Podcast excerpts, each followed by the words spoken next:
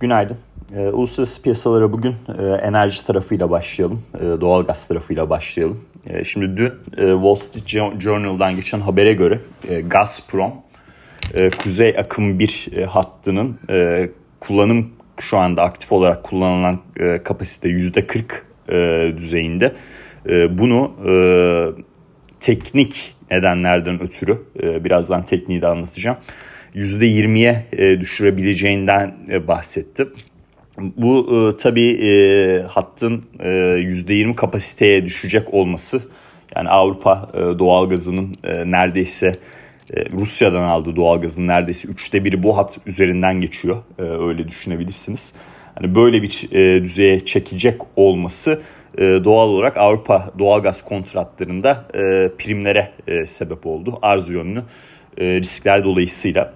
Şimdi Goldman'ın e, analizine göre e, bu hat e, %20 e, kapasiteyle çalışırsa eğer mevcutta 177 euro olan e, Avrupa doğalgaz kontrat fiyatı 190 euroya kadar çıkabilir. Eğer bu hat tekrardan kapatılırsa bu fiyat 210 euroya kadar çıkabilir arkadaşlar. Şimdi buradaki teknik olay nedir? Ya bu yaptırımlar dolayısıyla e, tabii Rusya'nın birçok e, aynı sorun havacılık tarafında da var. E, ağır makina e, ve işte daha teknoloji e, tarafında işte bakımlarda global piyasayla problemler yaşıyor. Yani o hattın işte çal, çalışmasını sağlayan e, tribünler var, tribünler var. Bu işte aletlerin, makinelerin bakım nedeniyle e, zaman zaman işte farklı farklı ülkelere gitmesi gerekiyor veya başka ülkelerden e, parça gelmesi gerekiyor. Şimdi burada e, Kanada'da olay e, patlak vererek oradan e, Almanya'ya sıçrayarak günün sonunda bu hattın kullanım kapasitesini ek, e, negatif etkileyen bir e, arızayla e, karşı karşıya e, kalındı. En azından Rusya'nın e, çizdiği çerçeve bu. E, ya bu gerçek midir e, sorusu e, tabii çok e, akla gelen bir e, durum. Hani onu e, inanın yorumlayabilecek e, e, bir düzeyde biri değilim e, açıkçası.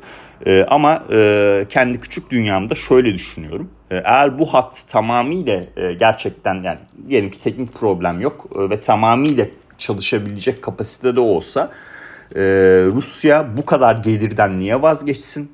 Hani savaş sonrası işte Uluslararası Enerji Ajansı'nın yaptığı analize göre savaşın başladığı dönemden işte Temmuz başına kadar e, doğal gaz ve petrol e, ihracatından e, 90 milyar dolara yakın para kazanmış. Yani özünde savaş fonlanmış yani e, bir açıdan da öyle bakabilirsiniz e, bu e, ticareti. Yani niye vazgeçsin? E, ayrıca niye tekrardan açtı o zaman? Soruları e, gündeme geliyor.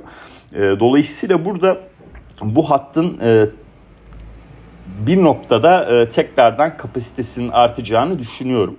Ama o noktada top daha çok Avrupa'nın elinde. Yani Avrupa bu e, işte e, yedek parçaların işte neyse artık o problemin e, çözülmesiyle ilgili olan teknik kısım Rusya'ya sevki sevkiyatının yapı sevkiyatını tamamlaması lazım. Hani bu haberinde bu hafta veya önümüzdeki hafta içinde düşmesi piyasalara bekleniyor. Hani bunu bunun sevkiyatı yapılacak noktasında deniliyor. Bunun da altının doldurulması şöyle oluyor işte e, biliyorsunuz ruble e, ödemeyi e, birçok ülke kabul etti. En azından şirketler bazında yapıyorlar bunu. E, ikincisi de çok konuşuldu biliyorsunuz işte enerji yaptırımları 6. paket şöyle yapacağız böyle yapacağız. Resmi olarak yayınlanmadı bu. Hani Aralık ayında bu olay devreye girebilir diye piyasa bekliyor. Hatta Yalın bile açıklama yapmış işte Aralık ayında e, enerji yaptırımları e, Avrupa'da başlıyor e, Rusya'ya karşı vesaire. Bu yüzden petrol fiyatlarına dikkat etmeniz lazım vesaire. Ama ben resmi olarak böyle bir açıklama görmedim. Yani o zaman da defalarca söylemiştim. Ben mi kaçırdım diye düşünüyorum. Kaçırmış da olabilirim. Yani çok baktığım enstrüman var. E, ama e, görenin de veya paylaşanını da görmedim işin özünde. Böyle bir durum söz konusu. Kısaca bu doğal gaz kontratlarındaki o yükselişten ötürü kısa vadeli bu haber akışıyla başlayarak bunun işte bir miktar petrol tarafına enerji kompleksine geçerek orada arz yönlü soru işaretleri nedeniyle işte doğalgazda petrolde dün primler yaşandı. Ya benim petrol düşüncem hala aynı. Yükselişlerin satış fırsatı olarak değerlendirilmesine de bir değişiklik yok.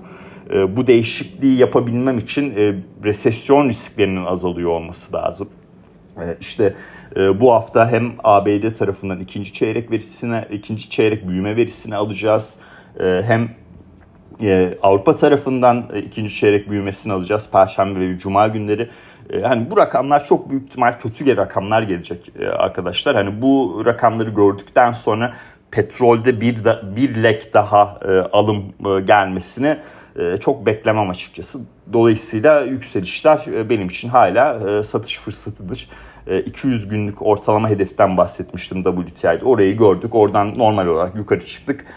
Tekrardan yükselişler sürerse bu büyüme verileri sonrası bir daha bir 200 günlüğünü deneme e, hamlesi yapabiliriz. O 200 günlük nedir diye e, tabii e, sorabilirsiniz.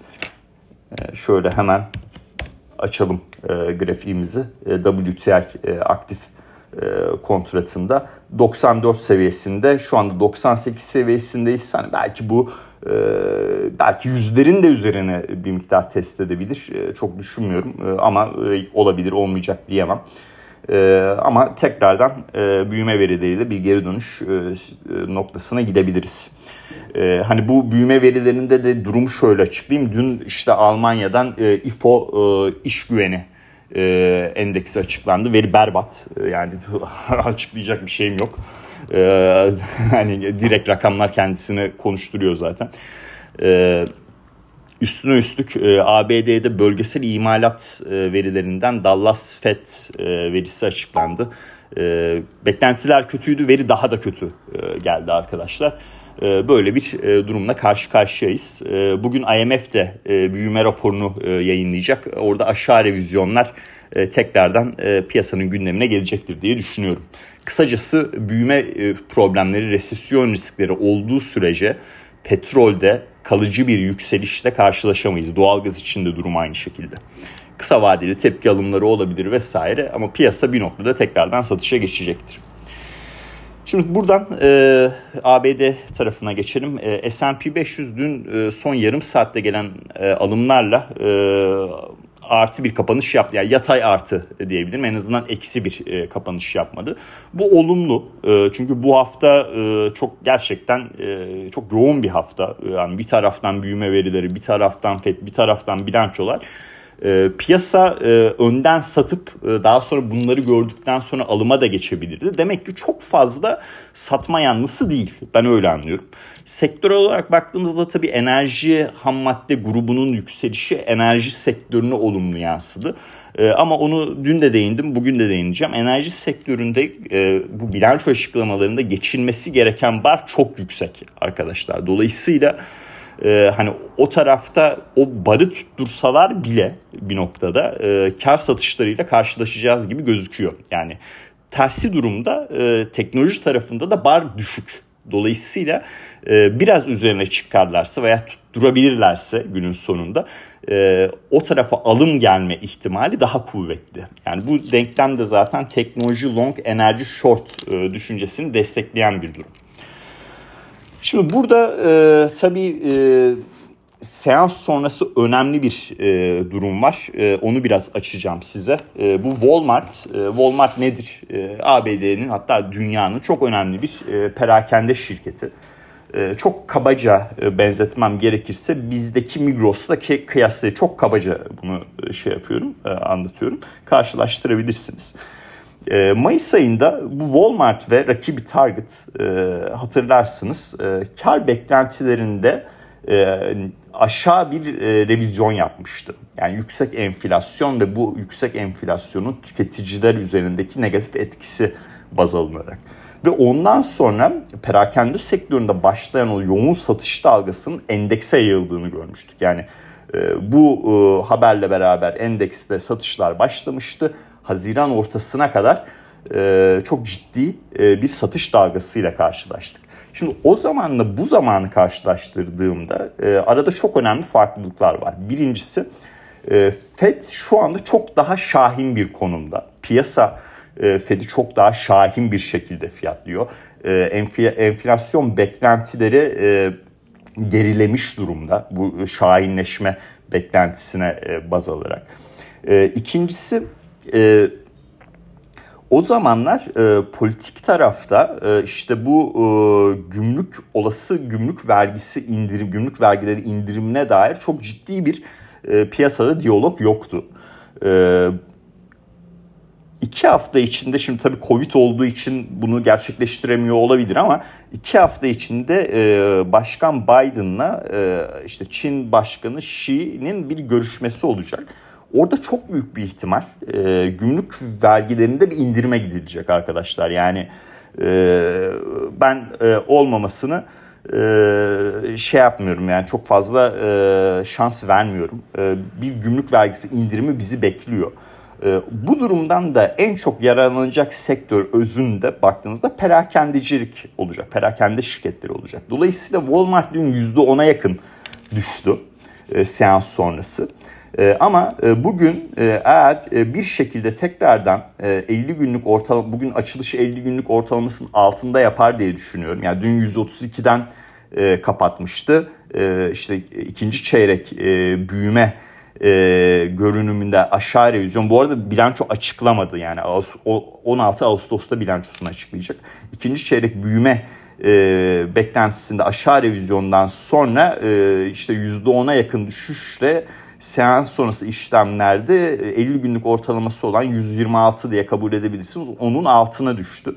Eğer bugün e, bir noktada tekrardan bu 50 günlüğün üzerinde bir kapanış yaparsak e, Walmart'ta ciddi bir bence alım fırsatı var. İki tane nedenden ötürü. Bir, Fed'in işte frene basma olasılığı yarın zaten toplantıda Eylül ayı şu anda 75 bas puanla fiyatlanıyor onu e, en azından kapıyı açık bırakacaktır diye düşünüyorum 50 bas puan yapılabilmesiyle ilgili olarak. E, bu durum e, işte frene basma durumu genel olarak piyasalara pozitif yarayabilir. Veya bunun sinyalinin verilmesi hani öyle daha özetleyeyim Eylül ayı ile ilgili olarak.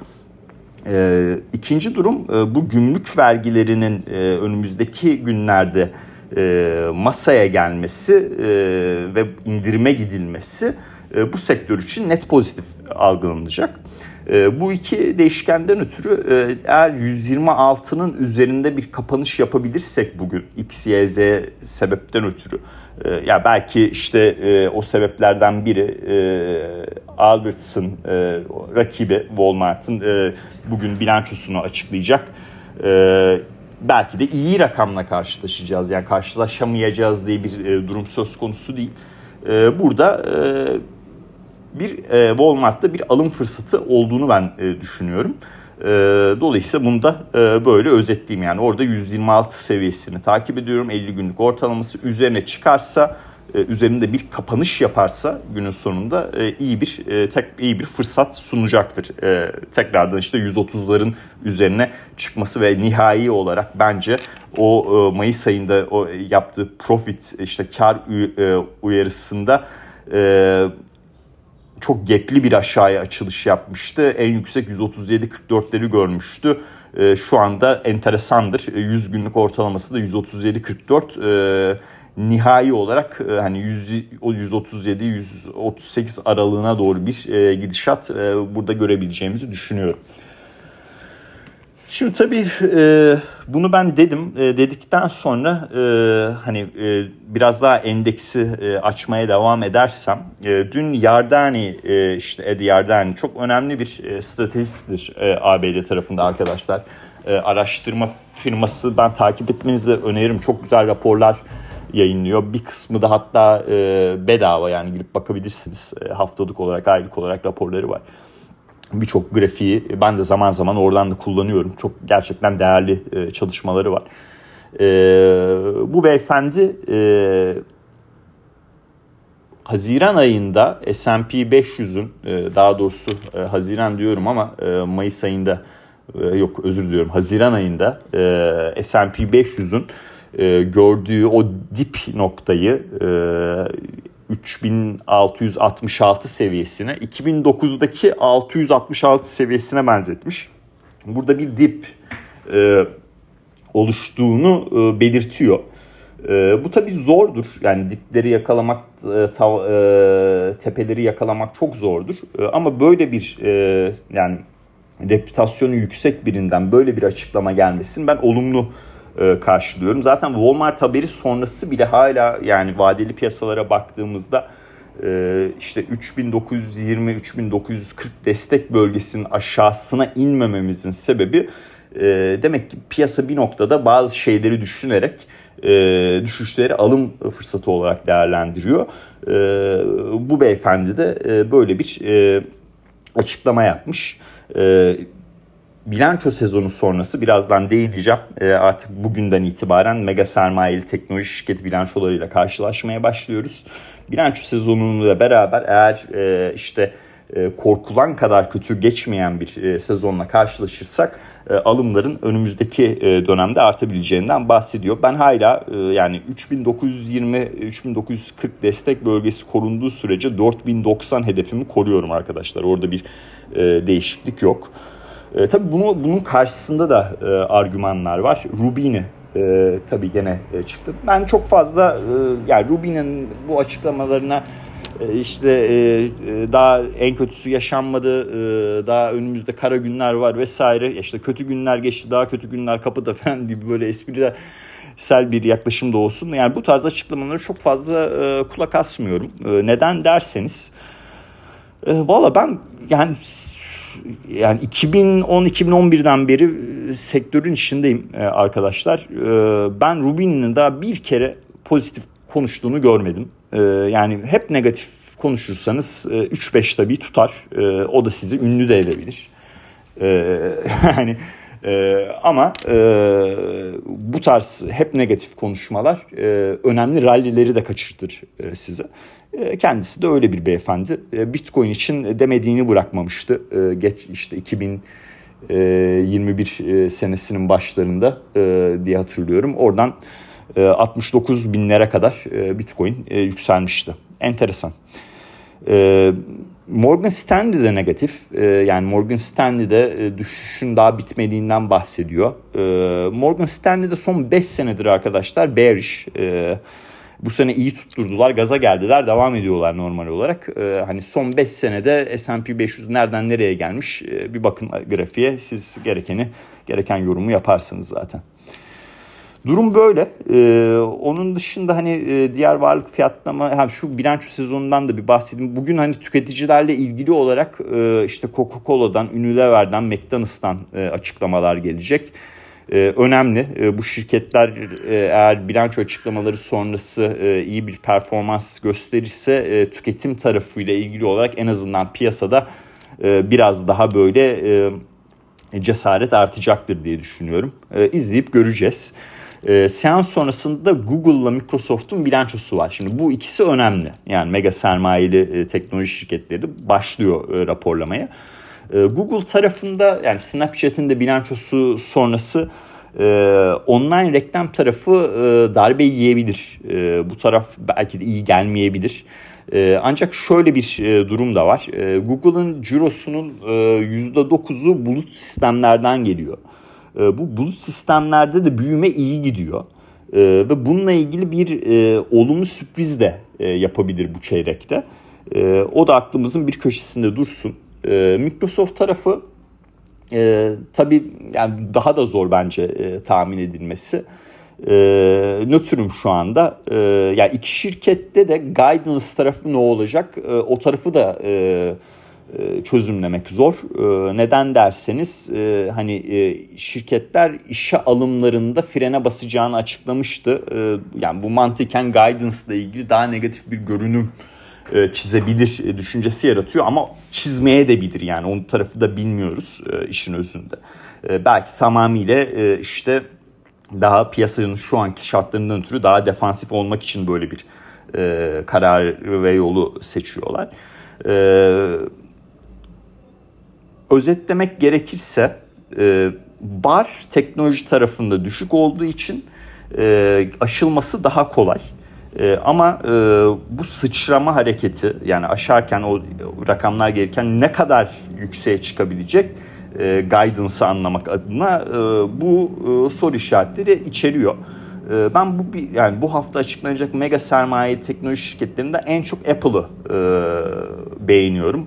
E, Apple tarafı bence iPhone 13 satışları yani normalde e, ikinci çeyrekteki e, iPhone satışları iyi değildir. E, ama iPhone 13 satışları e, bence bu sefer iyi bir şekilde ayrışacak. E, daha da önemlisi hizmetler tarafı brüt kar marjı olarak hizmetler ürünlerin yaklaşık olarak iki katı arkadaşlar. Yani ürünlerden %36 brüt kar marjı yaparken hizmetlerden %72 yapıyor. Bu hizmetler nedir derseniz Apple Müzik gibi hizmetler. bu tarafta ciro içindeki ağırlığın şu anda %20 civarında daha da yükselebileceğini düşünüyorum. Bu da genel olarak karlılığı daha e, yukarı e, çekebilir. E, dolayısıyla Apple tarafında olumluyum. Hani bilanço açıklaması sonrası iyi bir fiyat hareketiyle karşılaşacağımızı düşünüyorum. İkinci olumlu olduğum tarafta Amazon. Yani bu e-ticaret şirketleri çok ciddi dayak yedi. Amazon'un bu seneki Prime günü iyi geçti. Prime haftası daha doğrusu. E, bu Prime haftası nedir? İşte e, tüketicilerin daha e, ucuza e, yaptığı satın e, almalar e, iyi bir iyi rakamlar açıkladı. Dolayısıyla oradaki guidance Amazon tarafındaki guidance çok kötü olmayabilir e, önümüzdeki çeyreklerle ilgili. E, aynı zamanda web hizmetler tarafında da Google'da olduğu gibi açıkçası iyi rakamlarla karşılaşabiliriz. Dolayısıyla e, e, Apple ve Amazon'da e, daha olumluyum. E, bugün açıklanacak e, bilançolarda daha böyle belirsiz bir durum hakim. E, gördük yani seans sonrası Google ve Microsoft'taki prim hareketine göre yarın Fed öncesine kadar S&P 500 fiyatlaması şekillenecek. Altın tarafında düşüncemde de değişiklik yok. Ee, hani resesyon olursa da alacaklar. Ee, FED frene basarsa da alacaklar. Dolayısıyla düşüşleri alım fırsatı olarak değerlendiriyorum. Altın madencileri tarafında da e, görüşüm o şekilde. E, Euro dolar tarafı yani dün Walmart'ın işte detaylara baktığımızda e, bu güçlü dolar teması altında e, daha önceden bu güçlü doların e, ciro etkisi yaklaşık 1 milyar dolar olacak deniyorlardı. Öyle bir şirket düşünün yani. Ee, şu anda 1.8 milyar dolara revize etmişler. Yani bu daha önce de dedim gene diyorum dolar endeksinin çok güçlü olması kimsenin işine yaramıyor. Ee, Euro dolarda da ben açıkçası e, dünkü gaz haberlerine rağmen e, 1.0 0.18'in 1.018'in altında bir kapanış yapmadık. Ee, ben e, kademeli olarak dolar endeksinde herkesin işine yarayacağı düşüncesinde gevşemesi bazlıca e, euro dolarda da 1.0350 hedefimi koruyorum. E, USD, JPY'de de tekrardan bence 135'lerin altına gideceğiz gibi duruyor. Şöyle bir ona da bakayım sabah bakamamıştım. USD, JPY tarafını açalım. 136-66'dayız. Ee, Burada da tekrardan 135 alt seviyeler e, kısa vadede gündeme gelebilir diye düşünüyorum.